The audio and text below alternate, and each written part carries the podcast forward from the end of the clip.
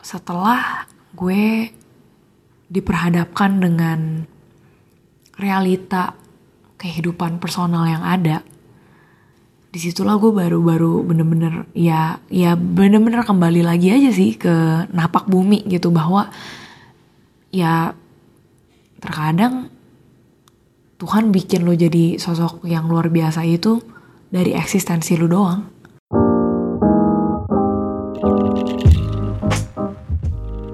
Selamat datang semuanya di podcast Abjad Tersirat. Dan mohon maaf kalau suara gue kayak lagi ngobrol sama selingkuhan pelan bener gitu ya. Cuma ini dikarenakan gue lagi rekamannya dadakan di tengah malam. Dan lagi gue udah tidur.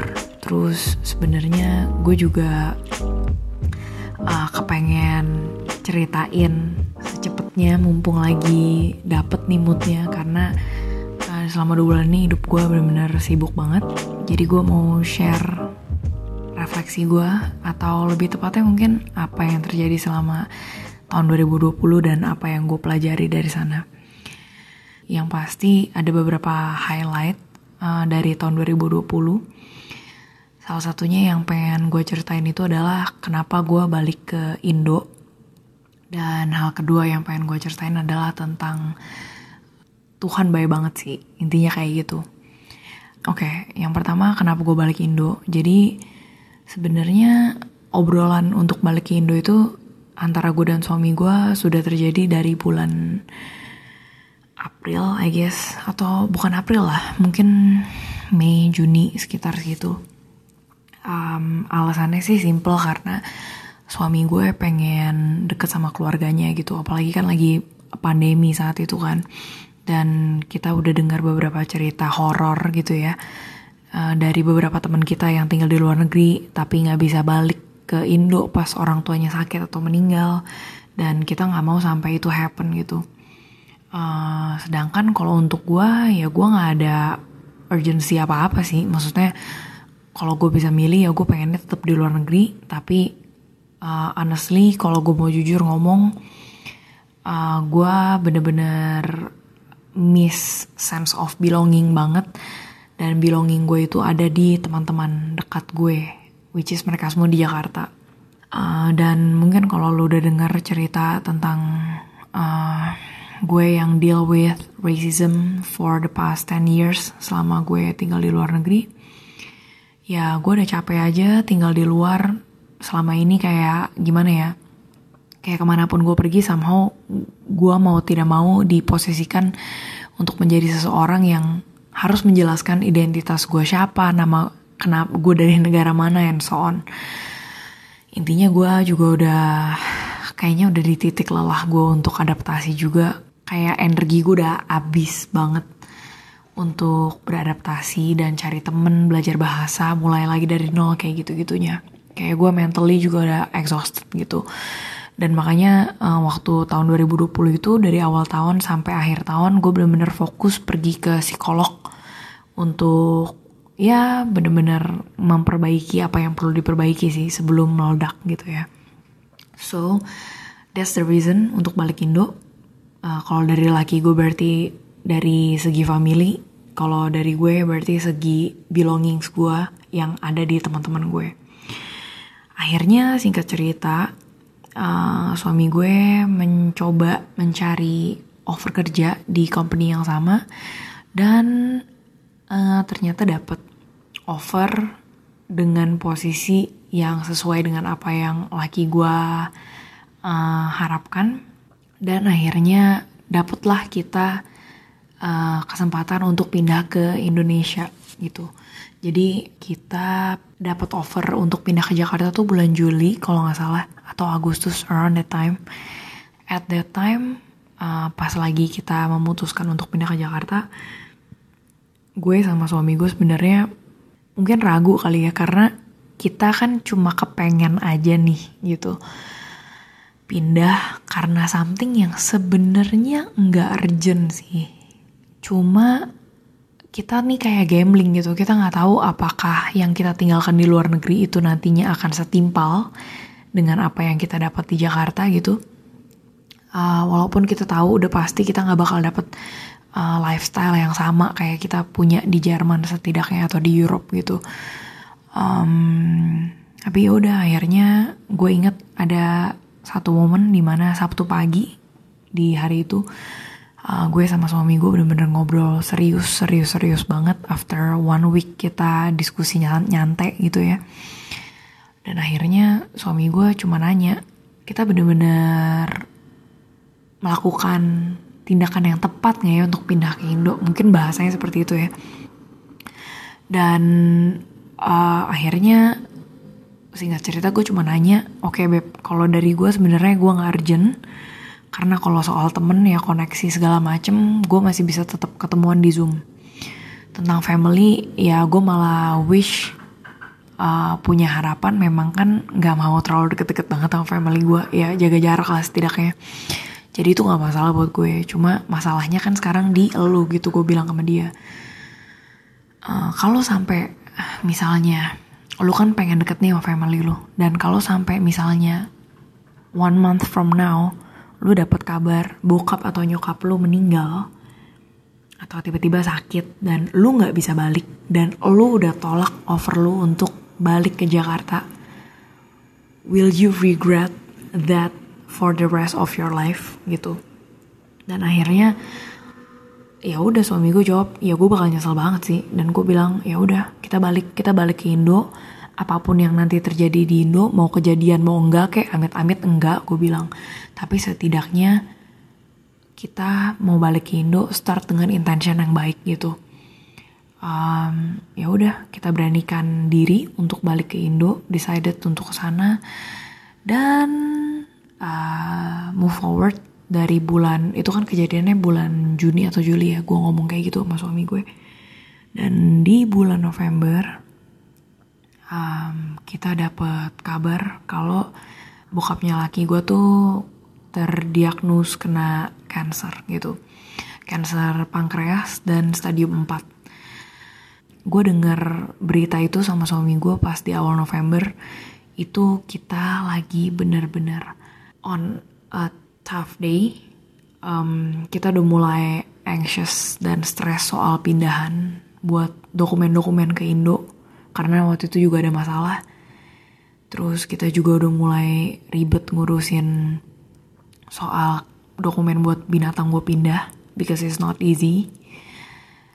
Plus on top of that dapat kabar kayak gitu. Uh, jujur gue waktu itu ngerasanya bener-bener gimana ya heavy tapi at the same time gue amazed aja sih sama cara kerja Tuhan di hidup gue dan suami gue gitu karena bener-bener bener-bener ya Tuhan tuh kayak mempersiapkan apa yang sama sekali gue nggak bisa lihat. Siapa sih yang tahu lu dibukain jalan di bulan Juni untuk akhirnya ternyata pulang ke Indo ya untuk ini? Akhirnya kita nyampe ke Indo tanggal 14 Desember. Dan ya itu moment of truth sih. Bener-bener akhirnya gila beneran kita di Indo. Uh, harus menghadapi jagain orang tua yang sakit gitu ya uh, singkat cerita dari tanggal 31 Desember itu sampai pertengahan Januari papi mertua gue bolak-balik ke rumah sakit tiga kali. Dan uh, ya akhirnya dipanggil Tuhan pas hari Senin tanggal 18 Januari.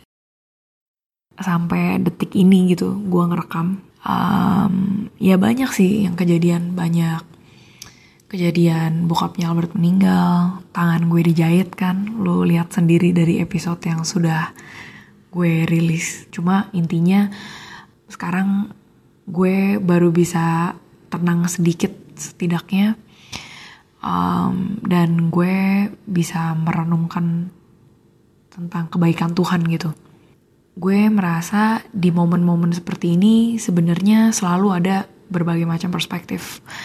Dan perspektif yang satu lu bisa bilang gue sial banget, which is memang kayaknya gue berasa anjir ini baru Januari belum kelar kok hidup gue kayak gini gitu ya. Tapi at uh, the same time uh, ada juga another perspektif gitu yang gue pikir bahwa it's lucky that when all this happen gue sama suami gue di Jakarta gitu can you imagine kalau misalnya bokapnya suami gue sakit dan kita udah nolak offer ke Jakarta. Can you imagine seberapa nyeselnya dia dan juga gue gitu? Karena sebegitu egoisnya kita mau punya tinggal hidup di luar negeri yang enak. Dan itu sih di mana gue merasa kayak Tuhan bikin gue dan suami gue ada di Jakarta untuk sekarang ini itu bukan untuk semata-mata memperbaiki karir atau memperbaiki kehidupan di Jakarta yang sebelumnya. Tapi lebih dalam dari itu yang jarang kelihatan adalah eksistensi kita berdua yang sangat-sangat diperlukan oleh orang di sekitar kita. Untuk Albert ya eksistensi dia untuk familynya, untuk mamanya, dan untuk papanya di hari-hari terakhirnya. Dan Tuhan baik banget udah kasih Albert dan papanya katanya sih tepat 31 hari ya untuk bersama-sama gitu. Dari jagain dari awal banget sampai akhir banget. Um, dan juga gue bersyukur banget dengan eksistensi gue di mana gue akhirnya bisa bersama gimana ya bisa reunited sama teman-teman baik gue lagi gitu loh. As I said before teman-teman gue itu bukan cuma teman baik tapi menurut gue udah jadi family gitu. Dan um, di mata gue refleksi yang paling gue dapet dari gabungan kematian dan juga rencana Tuhan dan juga eksistensi kita sebagai seseorang itu adalah kadang tuh kita sering mikir kalau kita tuh hidup di dunia harus banget jadi seseorang yang luar biasa. Gue nggak tahu luar biasa definisi lu tuh apa gitu ya, dan juga definisi gue juga pasti beda luar biasanya sama lu pada. Definisi luar biasa gue itu adalah Nama gue dikenal di mana-mana, setidaknya di bidang yang gue geluti, yaitu entah itu di nari, entah itu di content creator, entah itu di podcasting, entah di nulis, gue mau terkenal gitu. Cuma setelah gue diperhadapkan dengan realita kehidupan personal yang ada, di situlah gue baru-baru bener-bener ya ya bener-bener kembali lagi aja sih ke napak bumi gitu bahwa ya terkadang Tuhan bikin lo jadi sosok yang luar biasa itu dari eksistensi lu doang. Eksistensi lu aja untuk tidak menjadi manusia asshole gitu. Untuk ya udah lu nggak perlu ngomong banyak lu cukup bantu dan just be there untuk denger orang. Um, gue hope kalau uh, gue denger ini mungkin di tahun depan gue cuma mau kasih message buat diri gue that Tuhan itu selalu baik tanpa kita harus tanda kutip nyogok dia lewat pergi ke gereja tiap minggu atau beribadah tiap minggu atau baca Alkitab tiap minggu enggak Tuhan itu udah memberikan kebaikannya tanpa kita harus begitu gitu loh. At least di di di iman yang gue percayai ya.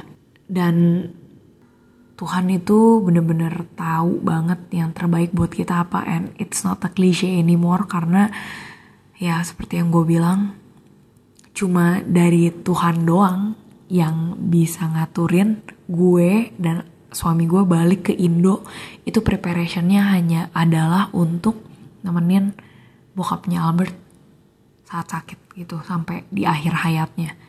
Dan kenapa sebegitu krusialnya karena di masa pandemi nggak segampang itu untuk lo pindah ke sana ke sini apalagi saat lo udah punya kerjaan di luar negeri. Um, tapi ya believe it or not Tuhan sediain kerjaannya dan believe it or not Tuhan juga urusin visa-visa dokumennya bantuin gitu loh. Bantu buka jalan lah gitu. Dan ya hati untuk kita akhirnya bisa tergerak untuk balik Indo dan merendahkan hati kita untuk berkorban ninggalin yang enak-enak di luar negeri. Ya gue rasa itu semua cuma bisa digerakin sama Tuhan sih. Bukan dari gue dan suami gue gitu ya